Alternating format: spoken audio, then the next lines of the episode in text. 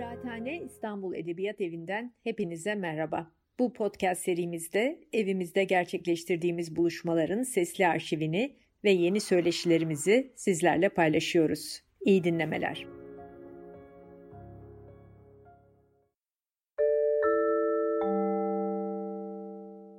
Elden özele geçelim ve adım adım Türkiye'ye yaklaşalım.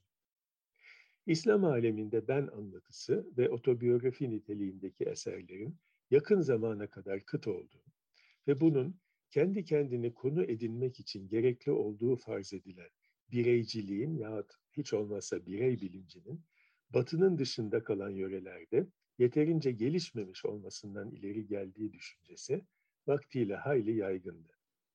Örneğin Strasbourg Üniversitesi profesörlerinden filozof Georges Gustorf, 1956'da yayınlanan Kondisyon et limite de l'autobiyografi yani otobiyografinin şartları ve sınırları başlıklı klasik makalesinde şöyle demişti.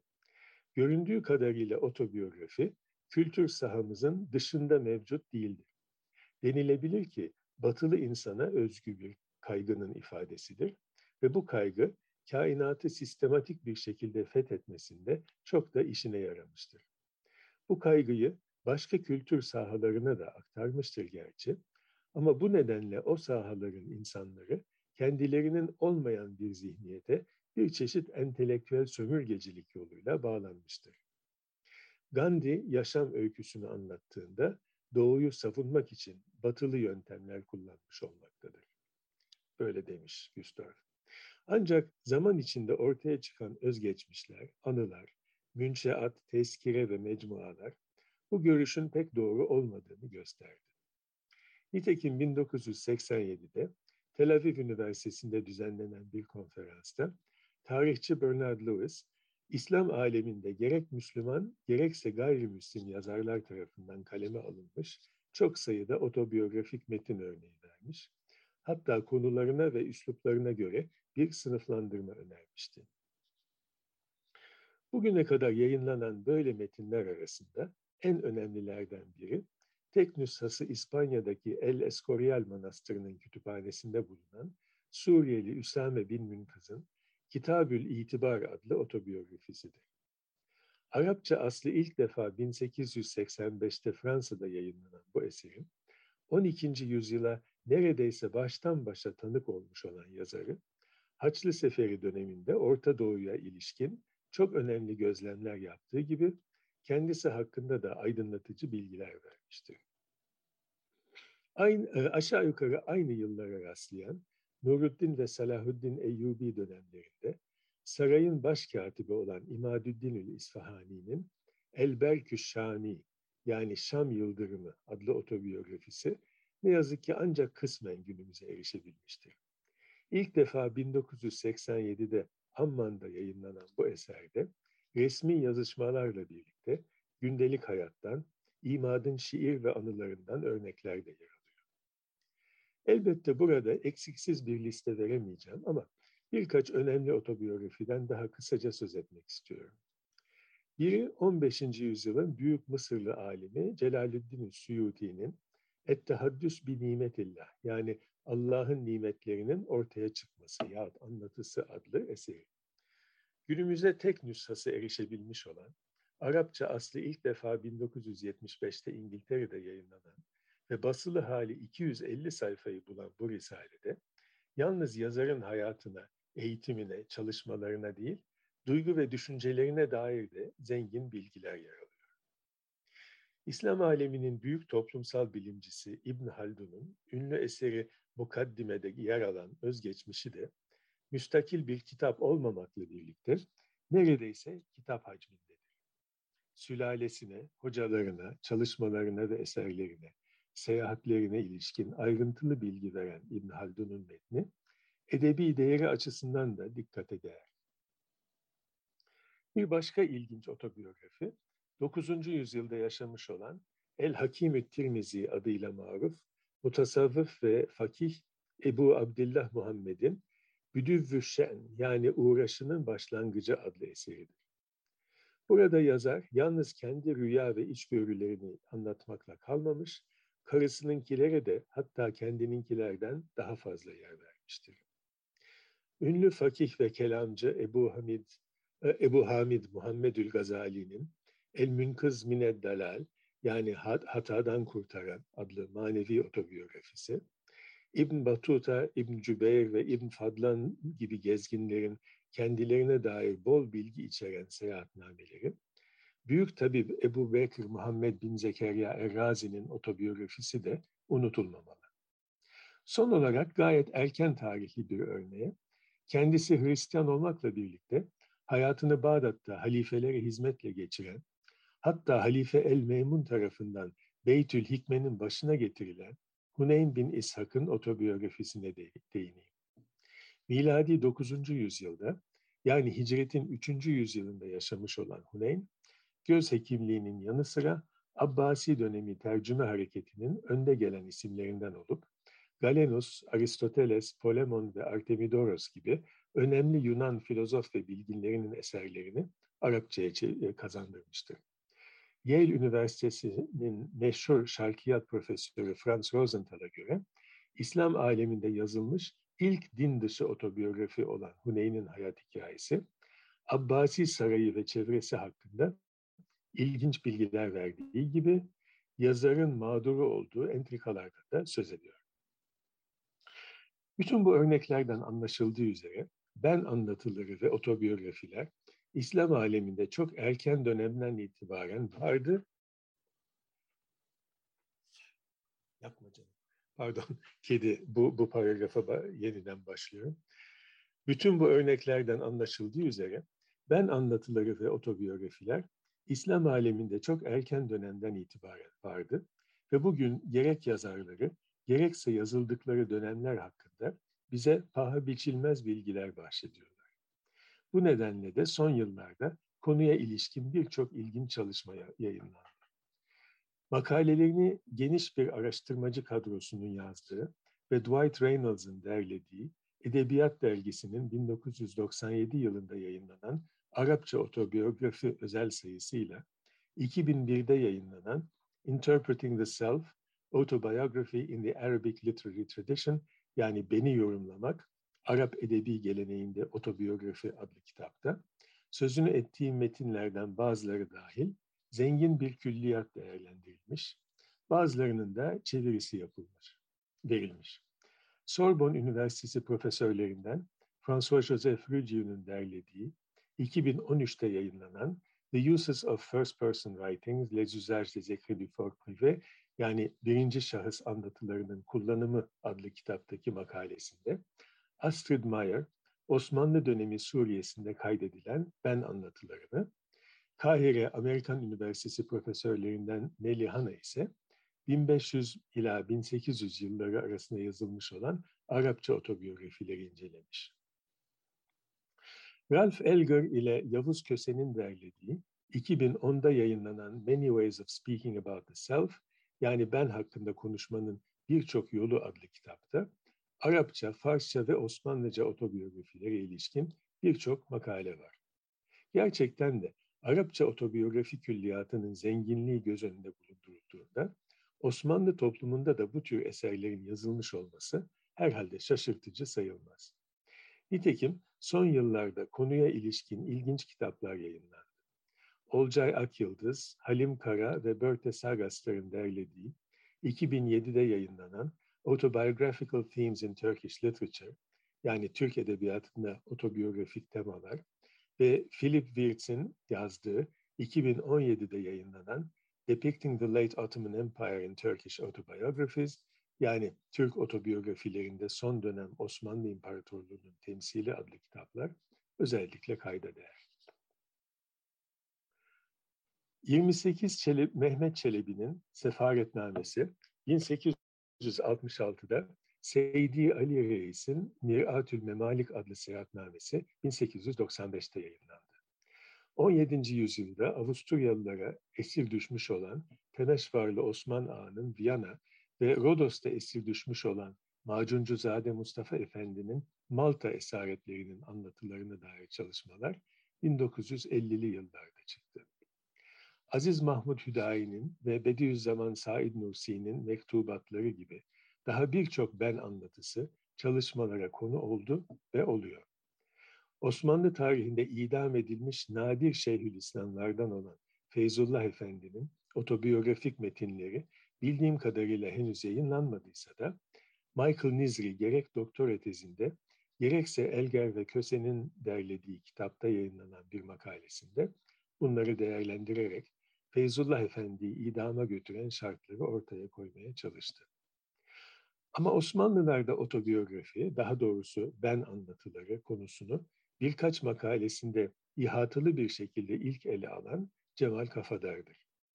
Örneğin İngilizcesi 1989, Türkçesi ise 2009 yıllarında yayınlanan bir makalesinde Seyyid Hasan adlı bir derviş tarafından 1661 ila 1665 yılları arasında tutulmuş Sohbetname adlı günceyi incelemiş. Bu vesileyle Osmanlı edebiyatında birinci şahıs anlatılarını değerlendirmişti. İngilizcesi 1991 ve 2007, Türkçesi ise 2009 yıllarında yayınlanan diğer bir makalede bir Yeniçerinin haksız yere hazineye intikal etmiş olan mülkünün iadesi için yaptığı başvuruya dair 1521 tarihli bir belge münasebetiyle Osmanlı gerilemesi paradigmasını eleştirdi.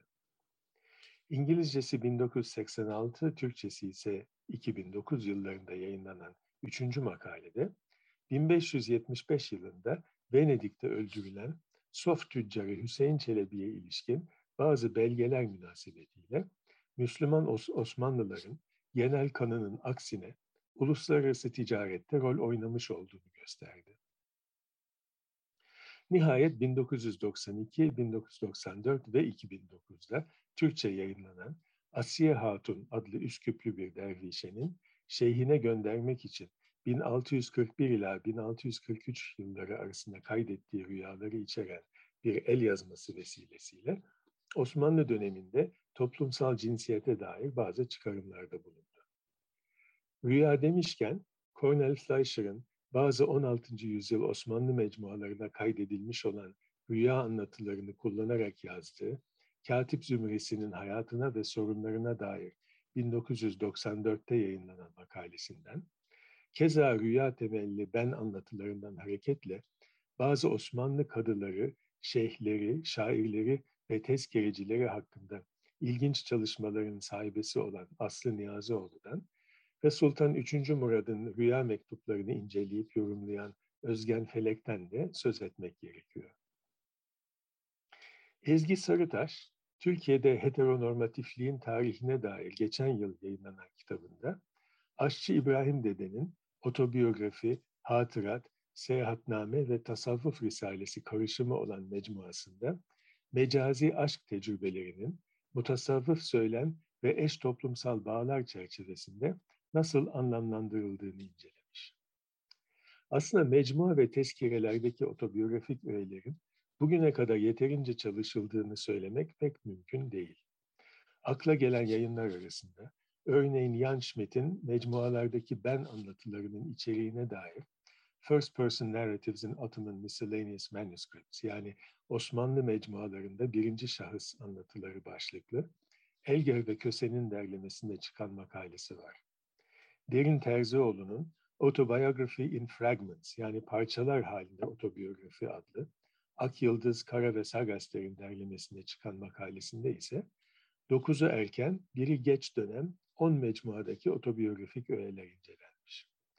Eski Türk Edebiyatı Çalışmaları ana başlıklı Çalıştay dizisinden 2012'de yayınlanan Mecmua Osmanlı Edebiyatı'nın Kırk Ambarı adlı kitapta özgül olarak otobiyografi konu edilmemekle birlikte mecmuaların bu alandaki zenginliğine işaret eden bir hayli makale var. Arapça, Arapçada kitab-ı tabakat, Osmanlıca'da ise daha ziyade tezkere denilen eserlere gelince. Bildiğiniz gibi hayat hikayesi ansiklopedisi niteliğindeki bu kitaplarda şiir, tasavvuf, hüsnü hat gibi belirli bir konuda sivrilmiş olan kişilerin biyografileri yer alır. Konumuz açısından ilginç bir husus, bu gibi eserlerde eseri hazırlayanların da bazen kendilerine dair geniş bilgi vermiş olmalarıdır. İlgi alanım itibariyle ilk aklıma gelen Müstakimzade Süleyman Saadettin Efendi'nin 1770 civarında tamamladığı Tuhfe-i Hattatin adlı ünlü hattatların hayat hikayelerini içeren çok kıymetli eserdir. Ki hattatların yanı sıra Müstakimzade'nin kendi hayatına dair de birçok bilgi vermektedir. Eserin bugüne kadar bu açıdan değerlendirilmiş olduğunu zannetmiyorum. Buna mukabil Aşık Çelebi'nin Meşair-i Şuara adlı ünlü şair tezkeresindeki otobiyografi öğelerini inceleyen Hatice Aynur'un makalesi Elger ve Köse'nin kitabında yer alıyor. Bu çalışmaların çoğunda ben anlatılarından hareketle Osmanlı toplumunun çeşitli veçheleri hakkında bazı sonuçlara varılmış. Yani ben anlatıları tarih yazımında meşru kaynak addedilmiş ve başarıyla kullanılmış. Bu çok hayırlı bir gelişmedir tabii. Öte yandan metinlerin kendisine de örneğin anlatı stratejilerine, anlatıya hakim olan benlik ve ötekilik kavramlarına odaklanmanın vakti geldi sanırım. Bundan sonraki çalışmalarda bu boyuta da hak ettiği önemin verileceğini umuyorum. Şimdiye kadar sözünü ettiğim Osmanlı kaynaklarına çağdaş anlamda otobiyografi demek mümkün değil. Daha ziyade genel anlamda ben anlatılarıdır. Peki çağdaş öncesi devirlerde otobiyografi yazılmadığı sonucuna varılabilir mi bu durumda? Chicago Üniversitesi'nde uzun süre tarih profesörü olmuş olan Karl Joachim Weintraub, 19. yüzyıl öncesinde otobiyografinin son derece nadir olduğunu belirtmiş. Bunun nedeni olarak da bireyliğin çağdaş bir ben algısı olduğu görüşünü öne sürmüştü. Texas Üniversitesi'nin Austin kampüsünde Arapça öğreten Kristen Brewster ise Celaleddin Suyuti'nin otobiyografisinden hareketle bu görüşü eleştirdi. Çağdaş öncesi anlatılarda çağdaş anlatı çağdaş öncesi anlatılarla çağdaş anlatılar arasındaki farkı birincisinde ben algısı yahut bilincinin yokluğuna değil, ikincisinde kendini temsil etme biçiminin ve kurallarının değişmiş olmasına bağlıdır. Ki bu çok önemli bir noktadır. Çağdaş anlamda otobiyografiler daha geç başlamışsa da 19. yüzyılın sonlarıyla 20. yüzyılın başlarında Osmanlı toplumunda en azından bir hatırat patlaması olduğunu söylemek mümkündür. Ayan Reisi Said Paşa, Sadrazam Kamil Paşa, Şeyhülislam Cemalettin Efendi, Sultan II. Abdülhamit ve Hürriyet Kahramanı Resteli Niyazi'nin siyasi hatıraları, Abdullah Paşa, Zeki Mustafa, Hamit Osman Olcay, Osman Nuri, Zeki Paşa, Hasan Azmi ve Doktor Cemil'in Balkan Savaşı hatıraları, e, vesaire se seyahat anıları, e, hayat hikayeleri bir sürü örnek veriyorum burada atlayayım. Bernard Lewis 20. yüzyıl başlarında vuku bulan bu hatırat patlamasını meşrutiyetin ilanını takip eden yılların özgürlük ortamının yanı sıra Said ve Kamil Paşaların birbirinin anılarına cevap yazmış olmasından hareketle ki aslında başkaları da Said Paşa'ya cevabi risaleler yazmıştır. Bazı ileri gelen siyasetçilerin istibdat devrinde yaptıklarını meşrulaştırmak ve kendilerini aklamak ihtiyacı duymuş olmasına bağlanır. Yorumunda mutlaka doğruluk payı vardır ama siyasi niteliği olmayan anıların da bu dönemde çok artmış olması tek nedenin bu olmadığını gösteriyor. Ben anlatılarının birçoğu ikinci meşrutiyetin ilanından sonra yayınlanmış olduğuna göre anı ve otobiyografilerdeki görünür artış en azından kısmen söz konusu dönemde matbuat kapitalizminin yükselişine de bağlı olmalıdır. Bu yükseliş bir yandan doğrudan yayınlanan kitap sayısında büyük bir artış biçiminde, diğer yandan da dolaylı olarak gazete ve dergiler aracılığıyla kamusal alanın genişlemesi, kamuya mal olmuş kişilerin çoğalması ve kendilerine ilgi duyan bir okur kitlesinin oluşması şeklinde tezahür etmiştir. Gerçekten de geleneksel toplum yapısının çözülmesi, kimliklerin tekrar tekrar yeniden inşa edilmesi, gündelik hayatın göz göre göre başkalaşması, özellikle de Osmanlı İmparatorluğu'nun sonuyla Cumhuriyet'in başına rastlayan yıllarda insanların alışıp kanıksamış olduğu her şeyin hızla buharlaşması, hem olup bitenlerin kaydedilip kalıcılaştırılmasını özendirmiş, hem de değişimin sahneye sürdüğü sivrilttiği bireylerin kahramanları olduğu yeni bir şöhretler çağı yaratmıştır. Bu süreç içinde metin yazımı üzerinden benlik ve bireylik algılarının ifade ediliş biçimleri de dönüşmüş, belli bir zümre için hatırat ve otobiyografi yazmak neredeyse moda haline gelmiştir. Anıların, biyografilerin ve otobiyografilerin sayısındaki ani ve büyük artış bunlar gibi birçok etmenin sonucu olmalıdır. Cumhuriyet döneminde bir hayli hatırat ve otobiyografi yayınlandı bildiğiniz gibi. Bunlardan bazılarının kurucu kadro içinde siyasi hesaplaşma amacıyla yazıldığı içeriklerinden anlaşılıyor. Bildiğiniz gibi Mustafa Kemal 15-20 Ekim 1927'de Cumhuriyet Halk Partisi'nin ikinci kongresindeki konuşması olan Nutuk adlı eserinde Kurtuluş Savaşı'nı kendi açısından değerlendirmiş, yorumlamıştı. Muhalif cepheden Kazım Karabekir'in İstiklal Harbimizin esasları, Doktor Rıza Nur'un Hayat ve Hatıratın ve daha sonraki yıllarda Celal Bayar'ın Ben de Yazdım adlı kitapları siyasi konulara alternatif bakışlar getirdi. Dolayısıyla da bazılarının yayınlanması uzun seneler boyunca yasaklandı. Halide Edip adı var, Şevket Süreyya Aydemir, Ahmet Emin Yalman, Falih Rıfkı Atay, Mehmet Rauf, Doktor Rıza Nur, Kazım Karabekir, Doktor Tevfik Sağlam, Halide Nusret Zorlutuna, Doktor Cemil Topuzlu gibi entelektüellerin otobiyografilerini topluca değerlendiren Philip Wilkes, bu metinlerden hareketle yazarların toplumsal kökenleri, çocuklukları, eğitimleri ve döneme damgasını vuran mücadelelerine odaklanarak 20. yüzyıl başlarının Türkiye'sine dair ilginç çıkarımlarda bulunmuş. Bu arada Halide Edip'in, Selma Ekrem'in, İrfan Organ'ın yabancı dilde yazılmış olan otobiyografilerine dikkat etmiş ki bu da ilginç bir konudur. Her neyse Tanıl Bey dururken bu konularda fikir yürütmek bana düşmez. Kısa keseyim. Son yıllarda otobiyografi konusuna Türkiye'de artan ilginin bir belirtisi olan bir kitabın adını vereyim sadece. Yakın geçmişte İstanbul Şehir Üniversitesi'nde mesai arkadaşım olan Abdülhamit Kırmızı'nın derlediği Otur Baştan Yaz Beni.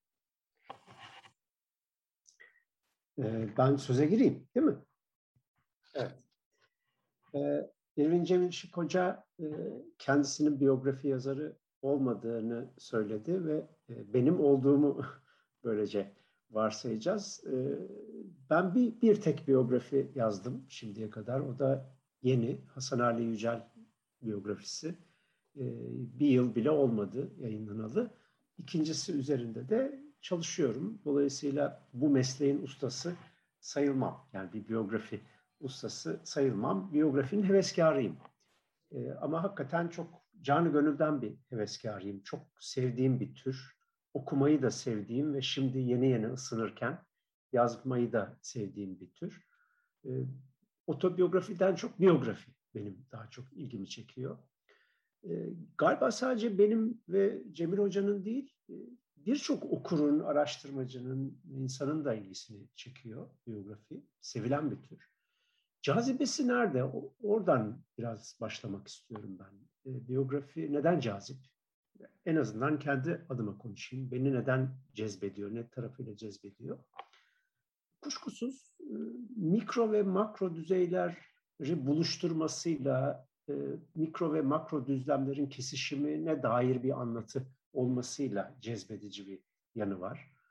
Ee, en basit en basit ifadesiyle bireyselle toplumsalın kesiştiği bir düzlemde kurulan bir anlatı, e, biyografi.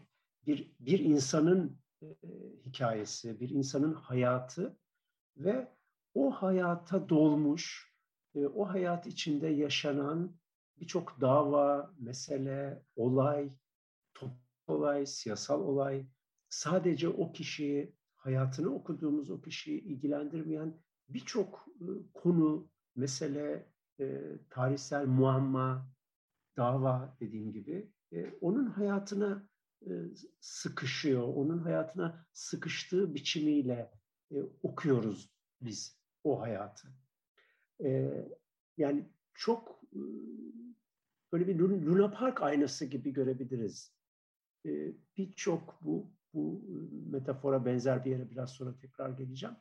E, yani birçok hayatın ve tarihin birçok cephesini bir kişinin hayatına bakarak her şeyden önce daha renkli ve canlı bir şekilde izleyebiliriz, okuyabiliriz. Çünkü evet orada bir hayat var, bir, bir insanın, bir tek insanın hayat hayatı var. Bu çok verimli bir gerilim. Yani bireyselle toplumsal olanın iç içeliğini, çelişkilerini, ikilemlerini bir arada barındıran çok verimli bir gerilim e, ekseni, biyografi e, dediğimiz anlatı. E, Cemil Hoca'nın e, söze başlarken e, girdiği yer belki de biyografiyle ilgili en hassas konu zaten belgesel ve kurmaca. E, biyografi hangi meşrepten e, birisi onu yazarsa yazsın bir biçimde e, belgeselle kurmacanın çok kavgalı bir bileşimi oluyor. E, bunu bazıları çok ustalıkla kotarıyor, bazıları o kadar ustalıkla kotarmıyor. Ayrıca her iki uçta yapanlar da var bunu. Yani bir uçta e, son zamanlarda Türkiye'de akademik alanda çok örneğini gördüğümüz ve çok şükür ki bunların önemli kısmı kitaplaşıyor. Monografi diye de tanımlayabiliriz yapabileceğimiz biyografik çalışmalar var. Ee, özellikle siyasal hayatla ilgili e, bir şekilde siyasal düşünce ve tarihle ilgili şahsiyetlerin e, hayatlarını ele alan tezler epeyce çok yazılıyor. E, bunların bir bölümü de kitaplaşıyor. Bunlar tabii mecburen akademik metinler, akademik anlatılar. E, son derece ihtiyatla yazılmış, e, duygusallıktan e, arınma e, temkiniyle yazılmış e, metinler e, ve sınanabilir verileri, e, belgeleri kullanarak yazılan metinler. E, çok sakınımlı metinler. Yani üslupları itibariyle de çok sakınımlı ve o giderek standartlaşan e, akademik e, üslubun e, dışına çıkamayan metinler. Bir uçta onlar var. Öbür uçta ise e, romanesk diyebiliriz sanırım. E, hayat hikayelerini romanlaştıran, hatta bazen açıkça roman yazma iddiasıyla da yazılmış e, hayat hikayeleri var. E, popüler yazarların, bazen gazetecilerin, bazen edebiyatçıların denediği e, bir tür bu. E, burada e, hakikaten e, kuşkusuz yine belgesel çalışmaya da dayanarak, veri toplayarak, malzeme toplayarak, çok çalışarak, e, hatta bazen e, erişilmemiş yepyeni e, bir takım kaynakları ortaya çıkararak e, ama yazarken e, hakikaten romaneski ondan diyorum e, roman gibi anlatma arzusuna çok kapılan e, yazarlar oluyor. E, mesela e, kahramanını bir pencerenin önünde durmuş denize bakarken ve şunu şunu düşünürken e, kurguluyor ve öyle anlatıyor. İşte e, onun e, yayınlanmış bir metninde e, dile getirdiği düşüncelerini e, hayali bir buluşmada, bir kahvaltı sohbetinde ya da belki bir belki de bir yatak sohbetinde de olabilir. E, partnerine görüşlerini anlattırcasına e, anlattırıyor ona. E, bayağı senaryo kuruyor. E, benim doğrusu çok sempatik bulmadığım bir tarz. Muhtemelen e, okura daha okur zevkle okusun, kapılsın. Yani dizi izler gibi e, okusun diye böyle yapılıyor. Ben bunun yerine e, yazarın, biyografi yazarının e, kahramanını, konusunu ile ilgili, kahramanıyla ve konusuyla ilgili tasavvurlarını açıkça yansıttığı, yani bunun yazarın kahramanını öyle hayal ettiğini, öyle kurguladığını, öyle düşünmüş olduğunu, öyle hissetmiş olduğunu tahmin ettiğini daha açıkça belli eden bir üsluptan yanayım. Daha dürüst bir üslup ve bu da pekala edebi bir tat taşıyabilir gibime geliyor. Yani biz kahramanın pencere önünde durup şöyle şöyle hissettiğini anlatmayalım da e, mesela öyle yazalım ki böyle böyle hissetmiş olabilir diye yazalım. E, tabii bir bir tahmin yaparcasına, bir tahmin bülteni metni yazarcasına değil, yine e, üslubunca. Yani o mesafeleri, o mesafe ayarlarını e, korumanın ben yararlı olduğuna inanıyorum. Yani çok e, kabaca söylersem bir uçtaki akademik üslup ile öbür uçtaki bu roman, romanesk ya da romantize edici üslubun arasında bir yol, ortalarda bir yol e, tutmanın en verimli e, ve hem kahramanın hayat hikayesini hem de e, yazarlığa ve edebiyata e, en saygılı e, orta yol e, olduğunu düşünüyorum. Bu bence çok ilgi çekici bir yanı biyografinin ve onu cazip kılan yanlarından da biri. Yani e, hem e, soğuk e, düz yazı, daha doğrusu soğuk araştırma inceleme okurunu hem de heyecanlı edebiyat okurunu kendine çekebilen metinler, e, biyografiler. E, iki türün, iki yazma tarzının e, ortasında bir yerde duran, ikisinden de unsurlar taşıyan e, bir tür. Bir, bana önemli bir cazibe unsuru o gibi geliyor.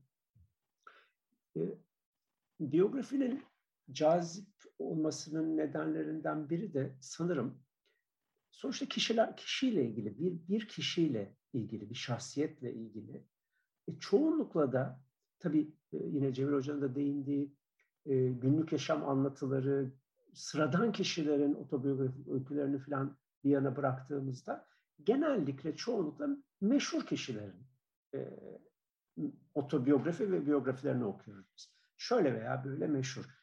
E bunların da bunların içinde de önemli bir kısmı öyle veya böyle siyasi anlam önem taşıyan e, kişiler oluyor ve bunların hayranları ve e, nefret edenleri oluyor genellikle.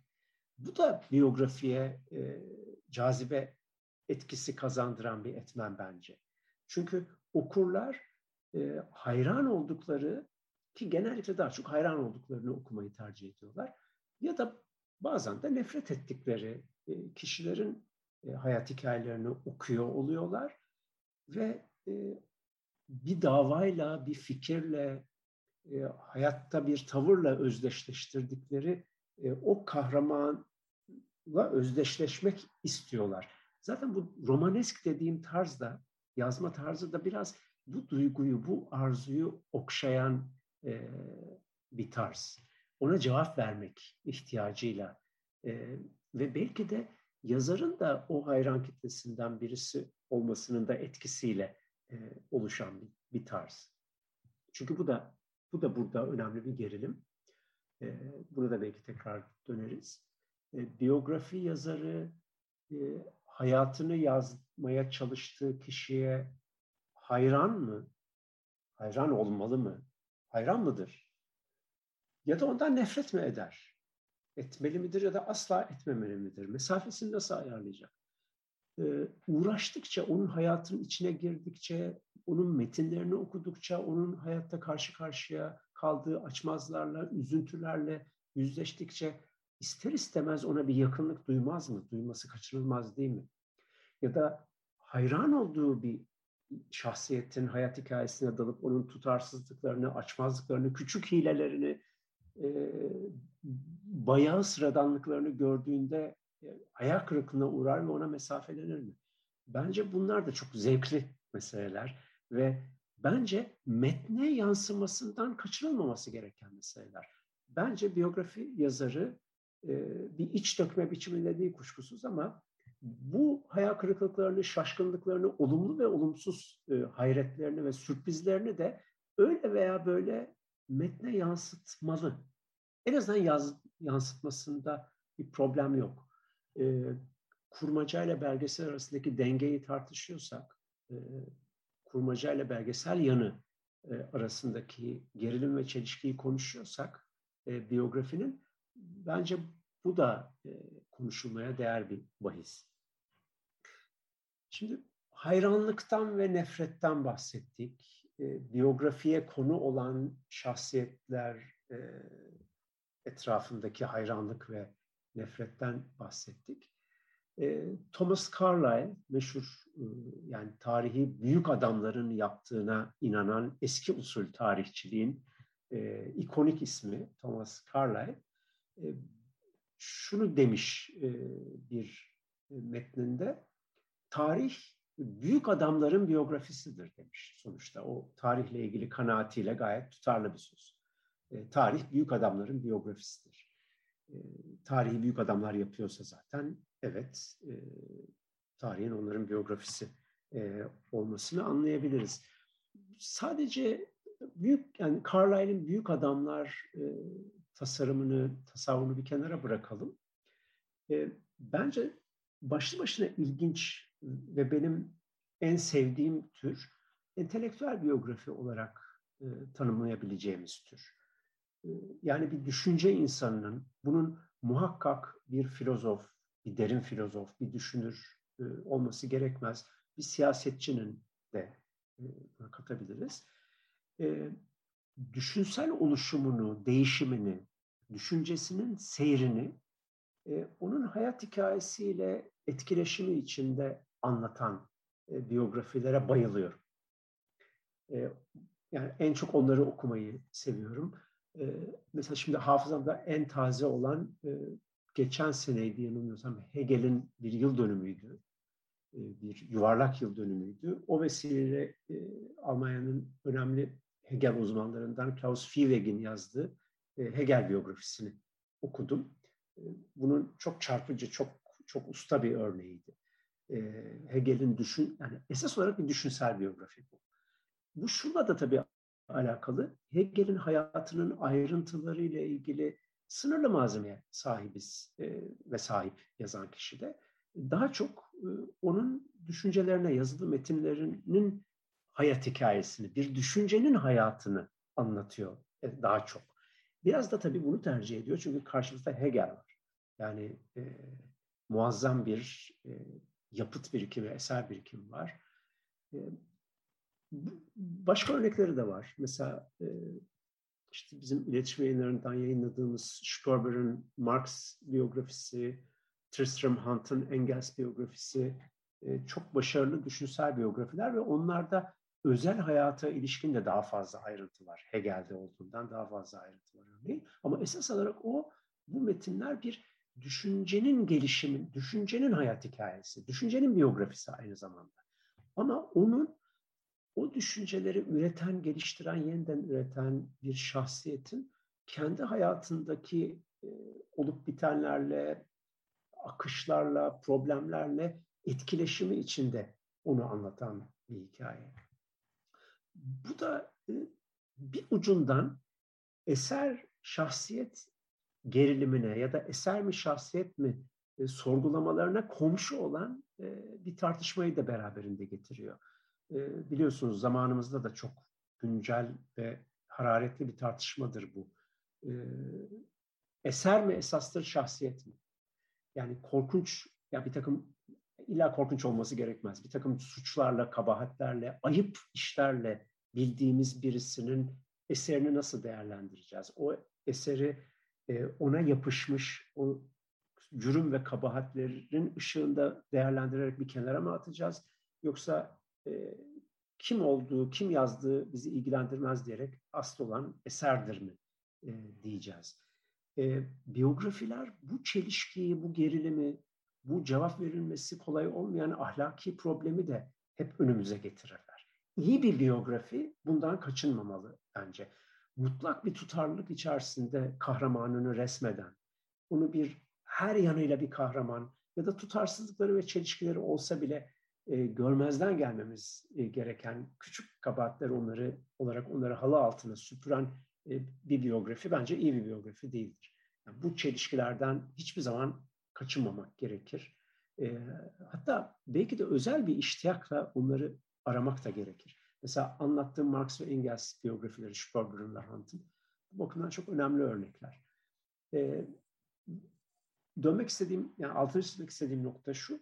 Hakikaten e, bir düşüncenin taşıyıcısı olması, bir e, şahsiyetin, bir kahramanın e, bir düşüncenin şahsiyeti olmasıyla o taşıyıcılık misyonundan bağımsız olarak bir insan olması arasındaki e, gerilim der biyografinin kalbini hızlı attıran, nabzını hızlı attıran noktalar çok çok değerli noktalar bence.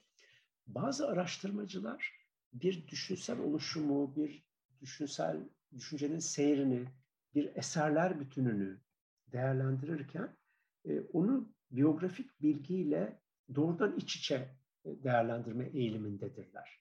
E, yani bir, bir yazarın, bir düşünürün nereli olduğu, hangi okullarda okuduğu, hangi muhitte sosyalleştiği onlar açısından onun düşüncesini doğrudan doğruya belirleyen bir etkendir ve mutlaka hesaba katılması gerekir. Kimileri ise hani dini tartışmalarda olduğu gibi metin eksenli yaklaşmayı yeğlerler. Yani metin esastır. E tabi biyografi, entelektüel biyografi dahi olsa söz konusu olduğu zaman e, bu gerilimi, bu etkileşimi mutlaka hesaba katmak e, gerektiğini düşünüyorum. Yani sadece metinlerle iş göremeyiz. Ama metinleri muhakkak hesaba katmak gerekir. E, ama metinleri hayat hikayesinin belirlediğini hem de tersini düşünemeyiz. E, burada karmaşık bir etkileşim e, olduğunu düşünerek e, hayatlara ve eserlere yaklaşmak gerekir. Ve biyografi bize bunu öğretir zaten. E, böyle bakmanın e, hem verimini hem zevkini öğretir.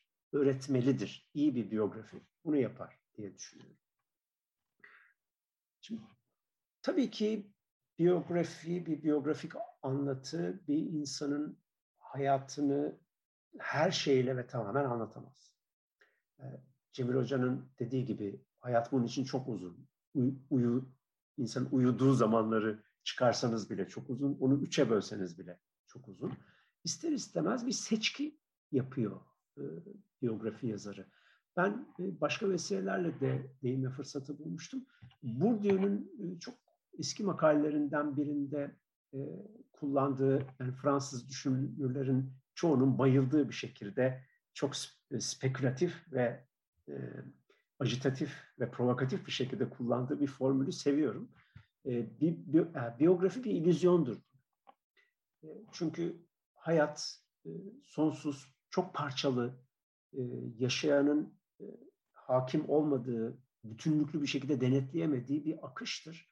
Ve e, fragmanlardan oluşur aslında ve bunu bütünlüklü baştan sona belirli bir dramatik kurgu içerisinde akan bir hikaye gibi anlatmak bir illüzyondur. Böyle bir şey yok diyor. Yani şunu vurgulamak için söylüyor. Yani her biyografik anlatı e, belirli seçmelere dayanan, belirli önceliklere dayanan e, bir kurgudur. Aslında bildiğimiz bir şeyi başka bir türlü tekrar söylüyor.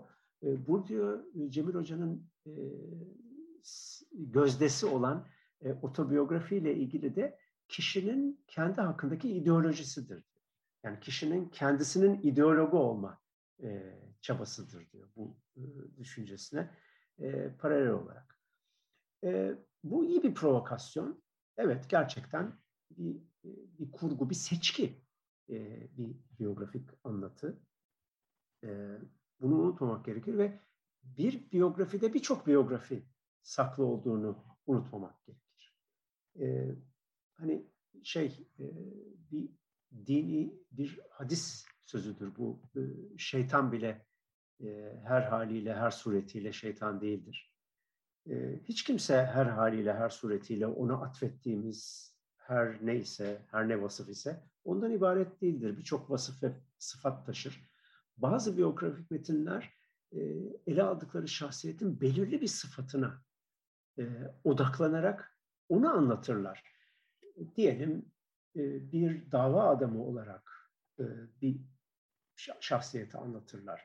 Ya da bir eş olarak cinsi kimliğiyle diyelim, toplumsal cinsi kimliğiyle bir şahsiyeti anlatmayı seçebilirler. Ya da bir aşk insanı olarak anlatmayı seçebilirler.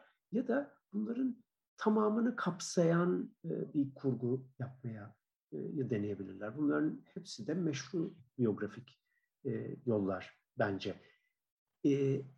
Kendi indirgeyiciliğini tarif etmek ve ikrar etmek kaydıyla. Cemil Hoca da değindi. Biyografiyle ilgili özellikle Türkiye'de epey eski denebilecek ve hala da sönmemiş bir tartışma. E, neden bizde biyografi az? E, gerçi nispeten çoğaldı ama görece az ya da neden gecikti e, sorusu ve bununla ilgili yine onun e, bize hatırlattığı gibi birey meselesiyle ilgili şüpheler. Bizde bireyin olmaması ya da geç ortaya çıkması, e, bireylik bilincinin e, en azından meşruiyetini geç kazanmış olması. E, bu biyografiye ket vuran, sadece otobiyografiye değil, biyografiye de ket vuran bir şey olabilir mi? Olabilir. Bence bu e, tartışılabilecek bir şey. Ama ben e, biyografinin e, Türkiye'deki göreli zayıflığında, ben de zayıf olduğunu düşünüyorum. E, sadece nicel bir zayıflıktan söz etmiyorum. Nitel olarak zayıf, görece zayıf bir tür ol, olduğunu düşünüyorum. Bunda iki etken bence önemli. Bunlardan birisi başta da değinmeye çalıştığım bu hayranlık nefret sarmalı. Kişi kültünün, kişileri kültleştirmenin hem hayran olunacak hem nefret edilecek şahsiyetler olarak kültleştirmenin e, çok güçlü, sağlam siyasi temelleri olan e, bir, bir, bir vasıf, e, vasıf mı demeli, bir özellik, bir eğilim olduğunu düşünüyorum. Buna bağlı olarak da kişilerin hayatları konu olduğunda, kişilerin hayatları yazıldığında ve okunduğunda e, o hayranlık ve nefreti bileyen, e, o hayranlık ve nefret arzusuna diyeyim, karşılık veren bir şey görmek istiyor okurlar. Yazanlar da o okur kitlesinden, okur zümresinden çıkmış e, kişiler, okur yazarlar e, olduğuna göre onlar da buna daha yatkın hale geliyorlar. Yani yüceltici bir anlatı, e, öbürü daha az tabii. Yani kahredici bir anlatı. Yani nefretlik bir figürü, bir karanlık şahsiyeti zemmetmeye, onu o karanlıklar içerisinde simsiyah resmetmeye dönük anlatılar da yok değil. Vardır ama öbürü tabii daha çok. E, o hayranlık halesini e, güzelce e, renklendirmeye, bezemeye e, dönük eğilimin fazlalığı, bu yöndeki talebin de e, bariz olması bir zaaf yaratıyor bence. Nitel, nitelik açısından bir e, zaaf yaratıyor. En azından bu zaafı teşvik ediyor. Diğeri de e, belge noksanı. E, Ferdan Ergut'un Tarihin Hakikatleri adlı kitabında zikrettiği, ele aldığı bir konu bu bir ara biyografi bahsinde. O biyografinin altın çağı olarak tarihçilerin 18. yüzyılın ortalarıyla 20. yüzyılın ilk 10 yılları arasındaki dönem olduğunu söylüyor. Ee, bunu ileri süren tarihçiler neden öyle düşünüyorlar? Çünkü bu dönem e, telefon öncesi çağ ya da iletişim teknolojilerinin e, gelişmesinden önceki bir çağ, mektup çağı. Çok mektup yazılan ve çok günlük tutulan bir çağ. Gerçi tabii ki 1920'de pat diye kesilmiyor bu. İnsanlar e, ondan sonra da günlük tutmaya devam ediyorlar, mektuplaşmaya devam ediyorlar. Günümüzde e-mektuplaşmaya, elektronik mektuplaşmaya devam ediyorlar. Gerçi WhatsApp onu da kısıtlayacak gibi görünüyor. Neyse olduğu kadar. E, velhasıl günlükler ve mektuplar tabii muazzam bir malzeme oluşturuyor biyografi yazarları için. E, bu ama tabii bu malzemenin e, erişebileceğiniz arşivler, e, dokümanta, dokümantasyon kaynakları olması lazım. Türkiye'de bu bakımdan çok şanslı değiliz. E, dokümantasyon sınırlı.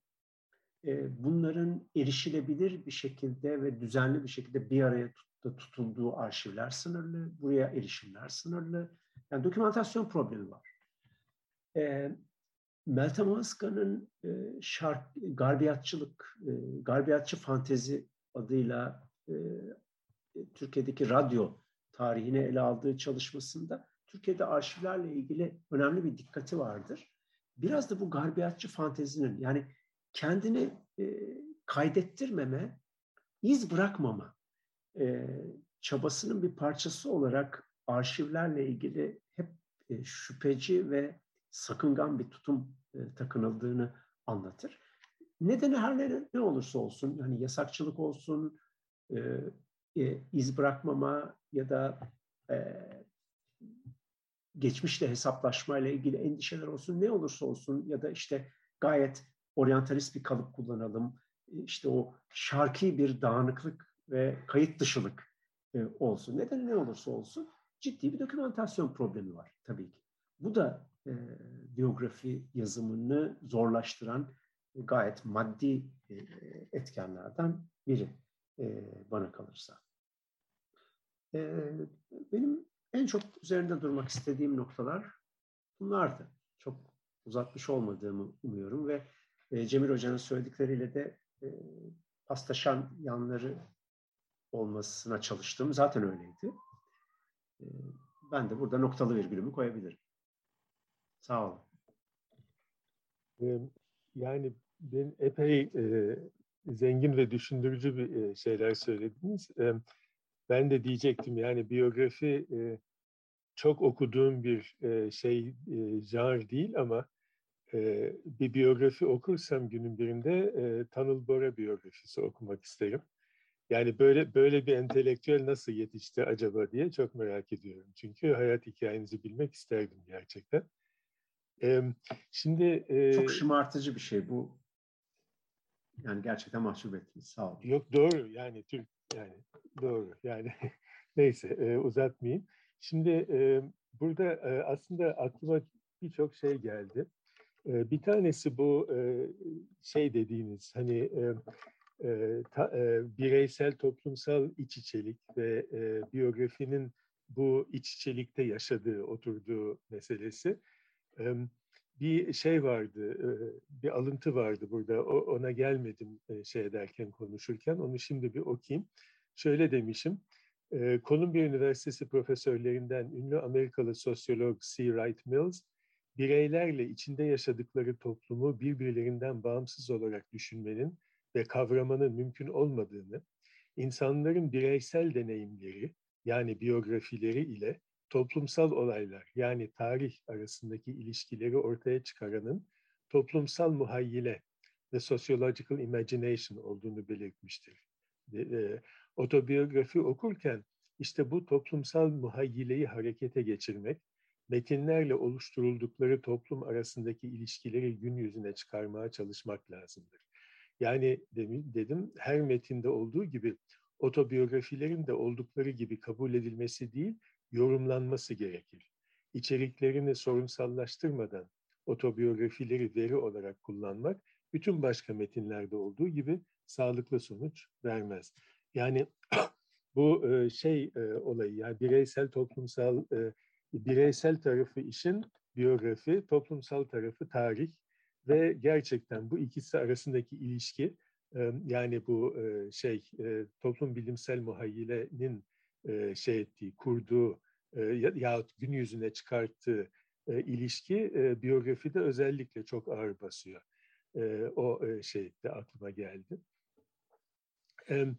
Bir de şöyle bir şey, bu en sonunda dediniz ya bir altın çağ, hani 18. yüzyıl, 19 ve 20'nin en başı. Tabii çok doğru, bu mektup çağıdır, yazışma çağıdır ve bu çok çok önemli. Bunun ama neden sonradan yok olduğuna dair bir spekülasyon sunmak istiyorum. O da şu, Birinci Dünya Savaşı özellikle büyük bir travmadır şey için, Avrupa için. Yani inanılmaz bir can kaybı, inanılmaz bir mal kaybı, sakat kalmalar, hayatların kayması ve Birinci Dünya Savaşı bu açıdan birçok kavramın yıkıldığı bir dönemdir. Yani ne bileyim şeyde hani sanatta uzamın parçalandığı, işte kübizm gibi şeylerin ortaya çıktığı bir dönem var. Fizikte işte şeyin Einstein'ın çıktığı ve uzamı parçaladığı teoriler var. Yani birçok açıdan özellikle Birinci Dünya Savaşı ve bir dereceye kadar İkinci Dünya Savaşı hayata, dünyaya bir mantık, bir, bir düzenin hakim olduğu görüşünün yahut yanılgısının belki de parçalandığı ve artık dünyanın gelişi güzel, vahşi bir şey olarak ele görüldüğü, yorumlandığı bir dönem başladı Birinci Dünya Savaşı'ndan sonra. Acaba diyorum bu mudur biyografilerin belki de altın çağının bitmesi? Çünkü bir biyografi sonuçta yani ikimizin de birkaç kere söylediği üzere bir, bir mantıktır. Yani hayatta olup biten bir sürü şey olayı alıyorsunuz ve bunlardan bir hikaye çıkarıyorsunuz. Bunları bir yere oturtarak mantıklı bir öykü çıkarıyorsunuz. İşte bu bunun ne sonucu olarak bu oldu, bunun sonucu olarak da şu oldu diye bir olay zincirine anlam veriyorsunuz. Acaba böyle bir anlam aramanın beyhude olduğuna mı kanaat getirdi insanlık? O nedenle mi biyografi çağı, altın çağı sona erdi diye bir soru atayım ortaya diye düşündüm. Benim ilk okuduğum biyografi Adam Ulam'ın Stalin biyografisiydi. Yani onun için öyle çok hayran olduğum insanların biyografilerini okurum diye bir şey yok. Ama gerçekten tabii doğru. Yani okudukça insan yani nesnel olmaktan çıkıyor ve dolayısıyla yazarken de öyle olduğunu şey etmek, tahmin etmek zor gelmiyor bana. Benim aslında merak ettiğim şöyle, şimdi ben çok takıntılı bir insanım. Benim yazdığım şeylerdeki dipnotu sayısına bakarsanız zaten oradan anlarsınız. Bir kere benim çevirmenim Ayşen Anadolu ilk tanıştığımızda daha çok sizli bizliydik. Ona sürekli şeyler gönderiyordum. Şu böyle değişecek, şu böyle değişecek diye. Bana çok tatlı bir mail göndermişti. Ay demişti siz olmak çok zor olmalı. Gerçekten ben olmak biraz zor bu açıdan. Şimdi benim aklıma şey geliyor. Yani e, biyografi yazarken e, eksiksizlik yani e, hiçbir şeyi kaçırmamak. E, bu bu herhalde yani benim için e, hiç altından kalkamayacağım bir zorluk olur. Yani e, bir insanın çünkü hani birçok e, şeyden bahsettiğiniz zaman her şeye zaten giremezsiniz. Bu tamam da bir kişinin hayatını anlatınca hiçbir şey kaçırmamak e, sizi nasıl rahatsız etmedi bu korku? E, onu merak ediyorum. Yani bununla nasıl e, başa çıktınız? Ben olsam herhalde o biyografi hiçbir zaman yayınlanamaz. Çünkü sürekli bir şey kaçırdığımdan şey ederdim, korkardım. Eser mi, şahsiyet mi konusuna bir de geleyim. Bu tabii çok önemli bir mesele. Yani bu şeyin hani meşhur şey var, The Intentional Fallacy, Monroe Beardsley'in, Wimsatt'ın Beardsley. Yani önemli olan, esas olan eserdir. Bunu yaratan sanatçının hiçbir önemi yoktur. Çünkü eğer sana eğer istediğini sanatçı eserine koyabilmişse zaten eserde var. Koyamamışsa da zaten önemli değil. Dolayısıyla sadece esere bakmak yeter diyorlar. Bu yani biraz zor, kabul edilmesi biraz zor ama aynı zamanda da şöyle bir mantığı var. geçmişe bakarsak sanatçıları yani veya yazarları yani ırkçısı var, misojeni var, sübyancısı var. Yani o kadar korkunç şeyler var ki bunların hepsini eleyecek olsak geriye pek sanat, edebiyat kalmaz diye korkuyorum. O yüzden belki bir dereceye kadar şey eseri şey almak, esas kabul etmek belki de bir açıdan hani sanat ve edebiyatın bekası için gerekli belki de. Bir de şey diyeyim, bu Bourdieu'nun bahsettiğiniz sözü, illüzyon olması şeyin, biyografinin, ben yani buna da, daha fazla katılamazdım. Yani çok çok doğru geliyor bana bu. Çünkü gerçekten de şimdi benim kendi hayatıma baktığım zaman o kadar viraj almışım ki. Yani neler yaptım hayatımda. Şimdi geriye bakınca ben de inanamıyorum. Niye böyle kararlar vermişim diye. Yani bana tamamen gelişi güzel bir e, yal, yalpalanarak e, böyle e, geçirilmiş 66 sene gibi geliyor. E, şimdi halbuki birisi oturup benim hayatımı ya, yazacak olsa buna, bundan bir mantık ortaya çıkarmak zorunda hissedecektir kendini. E, yani ben şimdiden söyleyeyim hiç uğraşmasın. E, yok mantık filan hayatımda. E, ama bu çok ilginç. Yani gerçekten de bir e, biyografi yazdığınız zaman bu insan bunu yaptı, o nedenle şuraya gitti, o, o da bu, bunu getirdi filan gibisinden. Bu gerçekten bir illüzyon. Yani bir ex post analizdir bu. E, gerçekte aslında böyle bir şey yok. E, insanlar yalpalıya yalpalıya, savrula savrula e, hayat e, hayatını yaşıyor gibi geliyor bana. Neyse ben yani çok uzatmayayım da böyle bir iki şey söyleyeyim dedim. Başka notlarım da var. Onlara da geliriz belki. Teşekkür ederim hocam güzel sözleriniz için öncelikle mahcup edici sözleriniz için. Ee, ben buradan devam edeyim birkaç ilham ettiğiniz şey üzerinden. Ee, ben doğrusu yani e, büyük dünya savaşlarının e, özellikle birincinin sanırım dediğiniz gibi e, insanların hayatın, tarihin bir ilerleme içinde iyi bir yere doğru gittiğine dair ümidini çok kırdığı doğru ve bunun e, hayat anlatılarına da yansıdığı kesin doğru. Ama ben yine de tarihçilerin e, o biyografinin altın çağıyla ilgili tespitine itiraz edecek halim yok ama sonrasında da ve günümüzde de pekala e, gayet altın değerinde biyografiler e, üretildiğini gözlüyorum. Belki bir altın çağdan artık söz edemeyiz ama yine de hayat hikayeleri anlatma, e, hayatları hikaye etme e, arzusu ve e, hem de çabası devam ediyor. İyi ki de devam devam ediyor. Ben o tarafına daha çok bakmak istiyorum. Ee, şey çok e, kötülerin yani sizin bizim açımızdan kötü olarak görülenin e, biyografileri e, benim de çok çok ilgimi çeken e, bir şey. Ben herhalde oransal olarak epey fazla yani daha çok değil e, herhalde daha çok en azından kötü hisler beslemediklerimi okuyorum ama mesela Nazi biyografileri çok fazla okudum ve okuyorum. Ee, yani e, en az iki Göbels biyografisi 500'er 600'er sayfalık e, devirmişimdir. Çok severek okuyorum. Orada da bir başka büyük burada bir, bugün bir bazı ahlaki e, ikilemlerden söz ettik ya. Orada bir başka ikilem kendini gösteriyor. E, anlamayı sağlıyor ya. Bu adam mesela Himmler nasıl bu kadar korkunç olabilmiş? Ee, hani emrindeki askerlerin evliliklerine karar verirken, kimle evlenip kimle evlenmeyeceğine karar verirken o e, ırki ve biyolojik e, o e, hani ırk hıfzı sahasına ilişkin o hesapları falan nasıl nasıl nasıl bir mantıkla yapabilmiş? E, işte nasıl bir çocukluktan geliyor?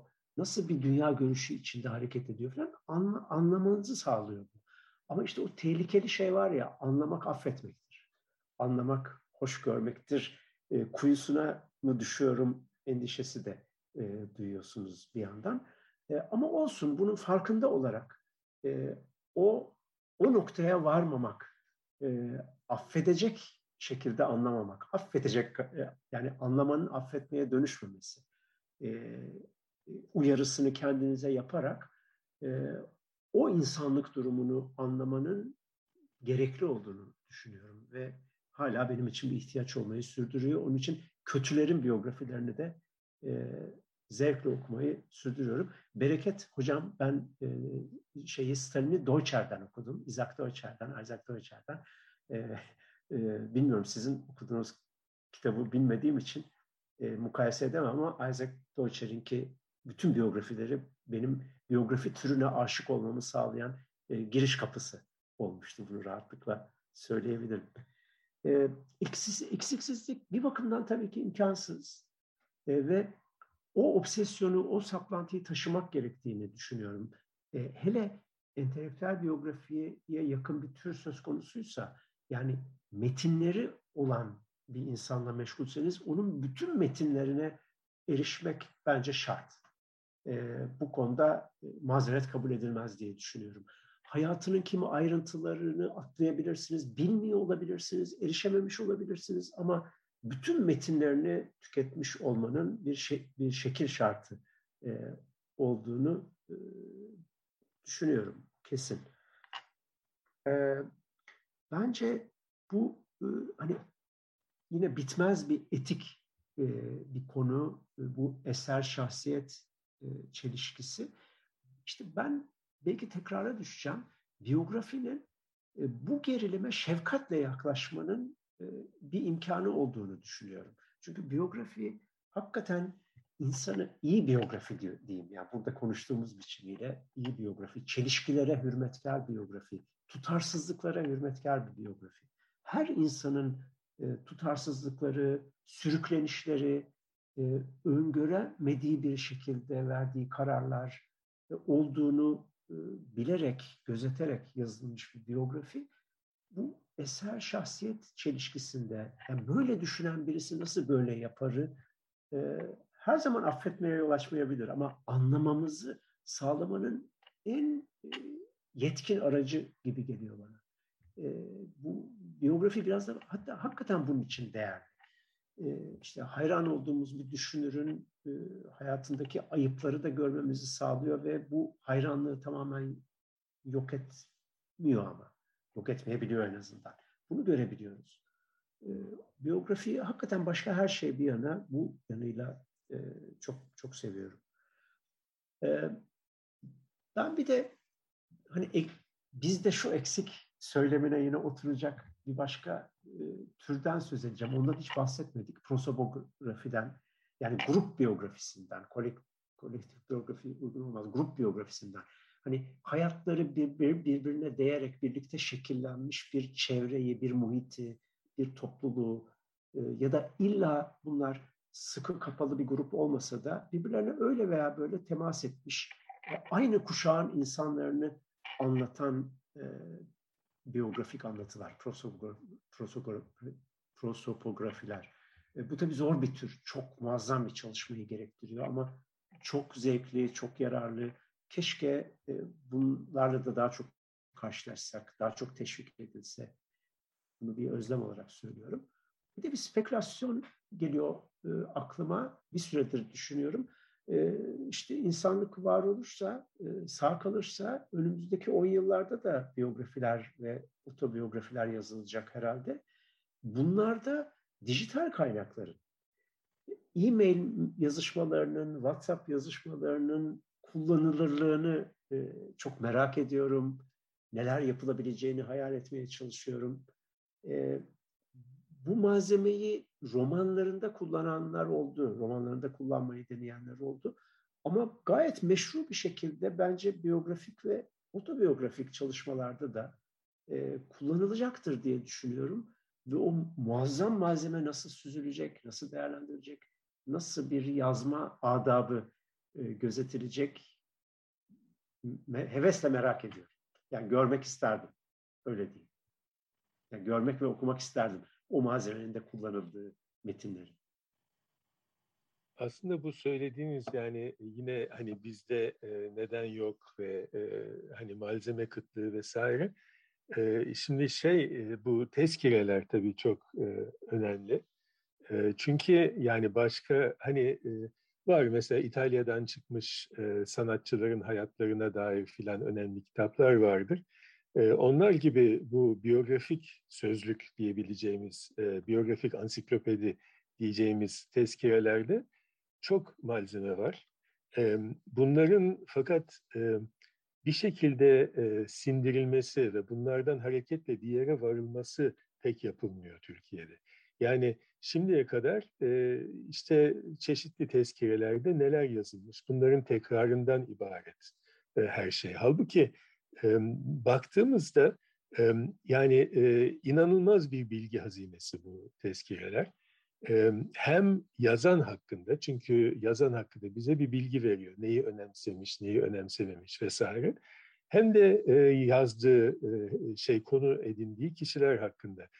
Şimdi bu neden yani hani dediniz ya bu birey meselesi, kişi kültü var mı doğuda yok mu batı bu batıya mahsus bir şey mi?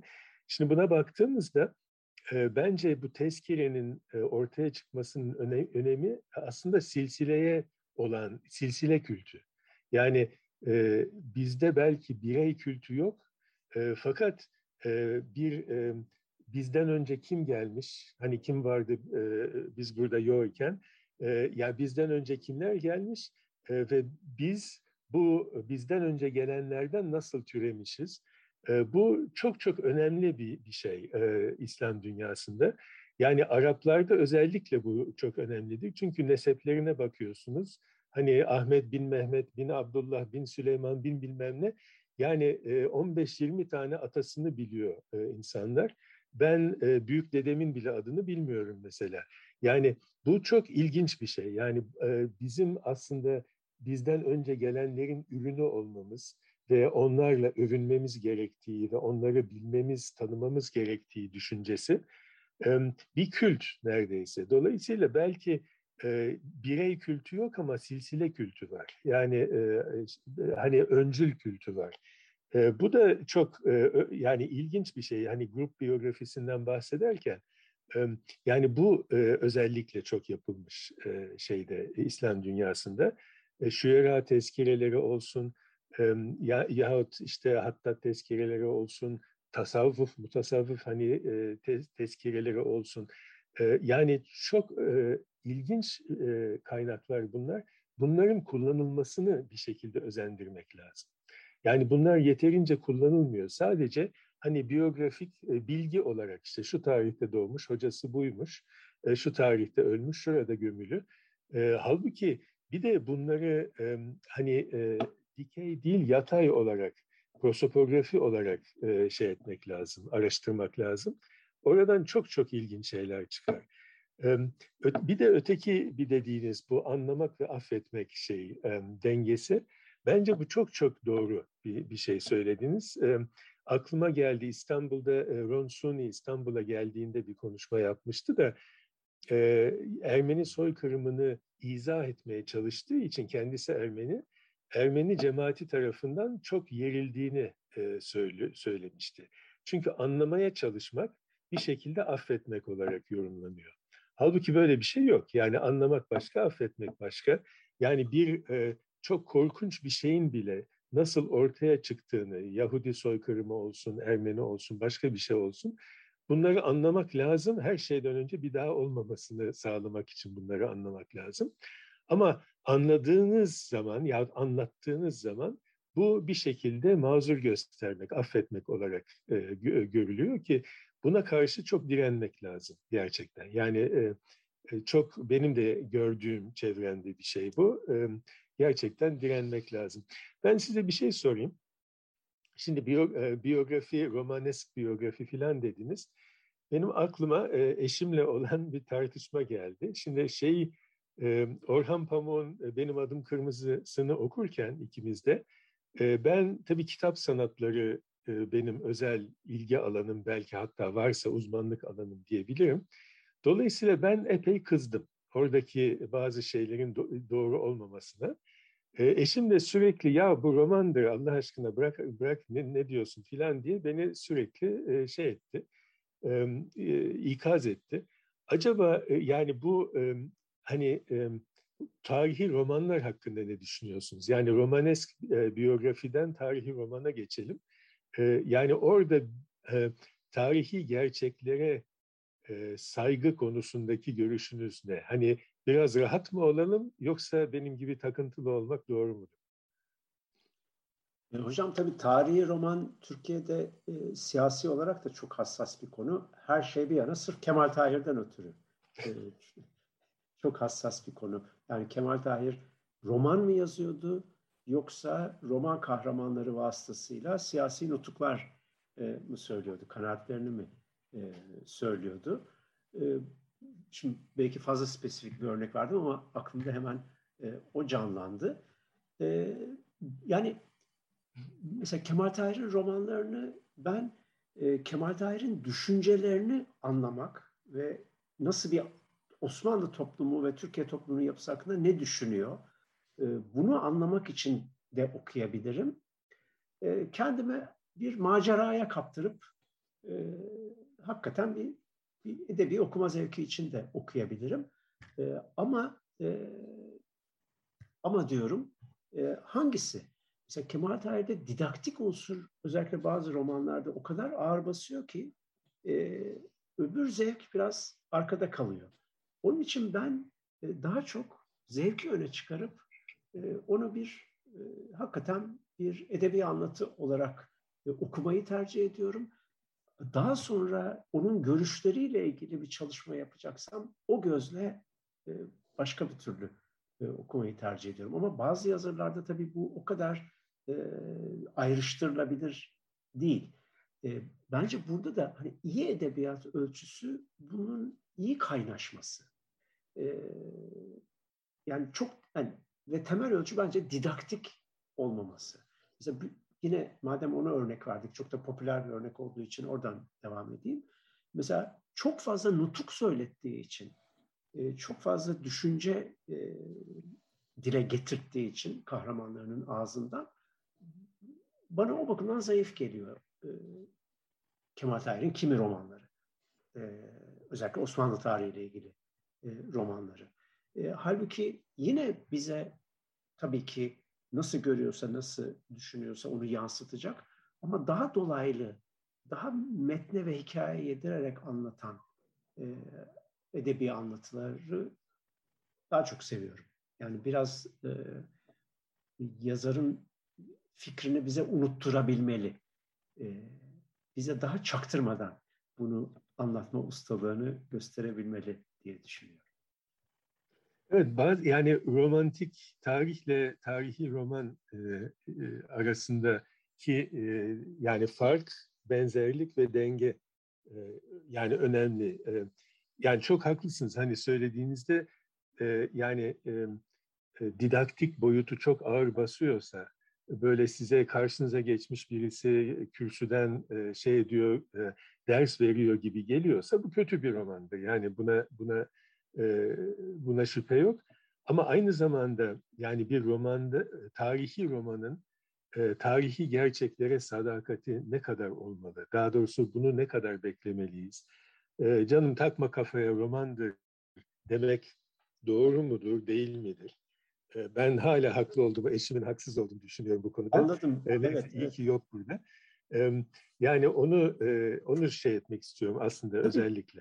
Bu dediğiniz tabii şundan da hassas bir mesele. E, Türkiye'de çok geniş bir okur kitlesi e, tarih hakkındaki kanaatini, çok da çok da emin kanaatlerini e, tabii öncelikle televizyon dizilerinden ama daha eski kuşaklarda da tarihi romanlardan ediniyor ve hakikaten tarihi hakikatler olarak düşünüyor ve bir kez bunlar tarihi hakikat olarak bellendiği zaman da e, bayağı bir güç kazanıyorlar, bir hakikat gücü kazanıyorlar. Bu tabii bir mesele, hakikaten bir mesele. Kolay razı olunacak bir şey değil, haklısınız. Ben bir de dediğiniz bir şey beni düşündürdü. Hani silsile e, silsile merakı, silsileyi takip eden e, hani aile silsilelerini e, esas olarak herhalde daha çok aile silsilelerini e, takip eden hikayeleri olan düşkünlükten söz ettiniz. Bu beni şu hani Foucault ve Deleuze e, hattındaki soy kütüğü e, kavramına getirdi. Onların farklı bir anlam yüklediği, yani düz çizgisel bir şekilde, teleolojik bir şekilde ilerleyen bir soy kütüğü değil de hani saçaklanan, yol değiştiren, nereye gittiği belli olmadan başka bir yerlere kayan, hani yol üzerinde kendini kaybeden, e, kaybedebilen bir soy çizgisinden söz ediyor. Biyografi yazımında o soy kütüğü yaklaşımını benimsemenin de yararlı olduğunu inanıyorum. Buna başka bir şekilde daha önce de değindik. Yani böyle mukadder bir yolmuş gibi bir hayat hikayesini izlemek yerine onun içindeki sapaklara, işte tutarsızlıklara, yol ayrımlarına ya da işte sapaklara evet hakikaten dikkat etmek. Böyle e, güçlü gövdelere varmayan ince dallara da e, dikkat etmek. E, o anlamda bir e, o düz çizgisel silsile yerine e, daha böyle e, ağacın e, yer altındaki o saçaklanması gibi e, dağılan e, soy kütüğü yaklaşımını benimsemek verimli geliyor bana. Yani şöyle bir şey var tabii, e, teleoloji e, mantık demektir. Yani bir şeye teleolojik olarak baktığımız zaman e, bir kere gereklilik var. Yani buraya gelmesi zaten icap ediyordu ve buraya gelmesi e, doğaldır ve mantıklıdır. E, onun için bence yani teleolojik yaklaşımın e, revaçta olması, rağbet görmesi biraz bundandır. Yani insanların mantığa ihtiyacı var. Yani şeyin komplo teorileri niye bu kadar popüler memleketimizde? Çünkü her şeyi açıklayan bir mantığa insanların ihtiyacı var. Dolayısıyla yani bu teleolojik şeyler, biyografiler yahut tarih yazımı filan bu, bu ihtiyacı cevaplandırıyor. Yani bu beni tabii çok rahatsız ediyor ve dolayısıyla yani hani Marksist geçmişten geçip gelip de ben kendimi yani post Marksist olarak diyelim ki nitelendiriyorum şu anda. Şu anlamda yani bu teolojik, teolojik hatta biraz e, ya metafizik yaklaşıma karşı çıkıyorum. Yani tarihin belirli bir mantık içerisinde yürüdüğüne inanmıyorum. Daha daha ziyade bir takım tabii ki şeyler var, sebep sonuç ilişkileri var. Ama bunların bir silsile halinde önceden belirlenebilen bir yönde ilerlediğini pek zannetmiyorum. Ve biyografi yazarken de işte herhalde buna dikkat etmek lazım gibi geliyor bana. Yani böyle bir önceden belirli olan bir yol yoktu. Yani bu böyle oluverdi. Şu şu nedenlerle bunlar oldu demek bir şeydir. Böyle olması zaten gerekliydi şu şu nedenlerden demek bambaşka bir şey değil mi? Evet, evet, evet. Yani, evet, ben de e, yani Churchill'in demokrasi hakkında söylediği, e, söylenen sözle bağlayabilirim bu konudaki görüşümü. Yani Marksist tarihçilik yani ya da diyalektik e, materyalizm eski tabirle e, evet gerçekten çok yani fazla metafizik ve fazla e, indirgeyici bir e, yaklaşım ama e, tıpkı demokrasi gibi e, diğerleri daha beter. Yine en iyisi bu. evet, evet onu onu şey diyorum, anlıyorum. Anlıyorum. E, peki başka bir şey sorayım. E, başka ülkelerde var mı bilmiyorum ama Türkiye'de malum çok popüler olan nehir söyleşi olayı. Şimdi ben e, ben de bir e, bu süreçten geçtim, yayınlanmadı ama e, şimdilik ama var böyle bir kayıtlar falan var. Şimdi nehir söyleşi sizce tembel, tembel insanların otobiyografisi mi? Yoksa nedir yani? Çok güzel bir tabirmiş. En azından düşünmeye değer. Ee, ben ama daha çok tembel biyografi yazarlarının biyografisi e, diye düşünürdüm. Evet. E, yani sizi değil, sizle bunu yapanı suçlardım. Suç, bir suçsa eğer bu. E, yani e, çok değerli bir kaynak olduğu kesin. Yani ben yani ben daha ziyade nehir söyleşilerin e, okuması genellikle çok zevkli metinler. Genellikle eğer gerçekten e, söyleşiyi yapan e, bilerek e, konuşmuşsa, e, gerçekten konuştuğu kişiyi açmayı e, başardıysa çok lezzetli metinler. Ama onun ötesinde bir biyografi yazımı için çok değerli bir malzeme. E, biyografi ve tarih yazımı için de çok değerli bir malzeme. İki bakımdan da çok zevkli görüyorum. Dediğim gibi ben daha çok e, tembel biyografın, tembel biyografi yazarının işi derdim. Mesela benim çok severek okuduğum, en severek okuduğum biyografilerden biri Michael Ignatieff'in Isaiah Berlin biyografisi. Mesela o 10 e, yıl boyunca Isaiah Berlin'le söyleşi yapmış. E, gün be gün değil ama neredeyse haftada bir onunla buluşarak konuşmuş, konuşmuş, konuşmuş. Sonra bütün metinlerini de okuyarak, ölümünden sonra, bütün metinlerini de okuyarak ve hayatı üzerine çalışarak ve kendisiyle yaptığı o görüşmeleri de kullanarak biyografisini yazmış. Tabii bu muazzam bir iş yani. Bunu herkes hakkında ve herkesten bekleyemeyiz ama ee, hem nehir söyleşi yöntemini de kullanıp ama onu malzeme olarak katarak yaptığı işe kullanmış. Muhteşem bir şey.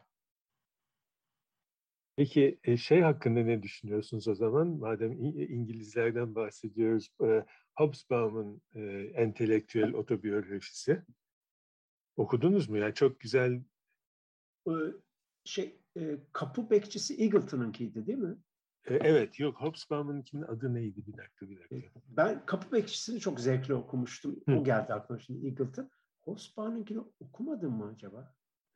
Yani şey açısından, yani bir entelektüel otobiyografi olması açısından ve e, özellikle daha önce e, konuştuğumuz bu e, birey, toplum, e, biyografi, tarih ilişkisini çok güzel bir şekilde ortaya koyduğu için okunmaya değer. Yani. Belki zihin yorgunluğundan inanın hatırlayamadım. Aklıma dediğim gibi. Yani ben de şu anda ismi, ama o gelmedi. ismi uçtu gitti. Ama muhakkak şimdi peş, muhakkak takip edeceğim. Yani evet, evet. Yani şey zaten bence e, yani in, hani ilginç olanı zaten e, insanların toplumsal boyutu. Yoksa hani insanlar kendi başlarına bir yani bir ıssız adada olan bir insanın hayatı çok ilginç olmaz büyük ihtimalle. E, o yüzden yani bir insa, insanların kendilerini yahut başkalarını e, cari olaylar, ilişkiler e, bağlamında yazarsa o ilginç bir şey e, olur. E, o yüzden yani e, örnek olabilecek bir şey bir otobiyografidir yani. Peki o zaman, o zaman bitirelim mi? Ne yapalım? Ben de ben çok memnun oldum gerçekten. Hani böyle şey bu bir bir yayın değil de böyle sohbet zevkiyle evet. yaptım. Çok teşekkür ederim.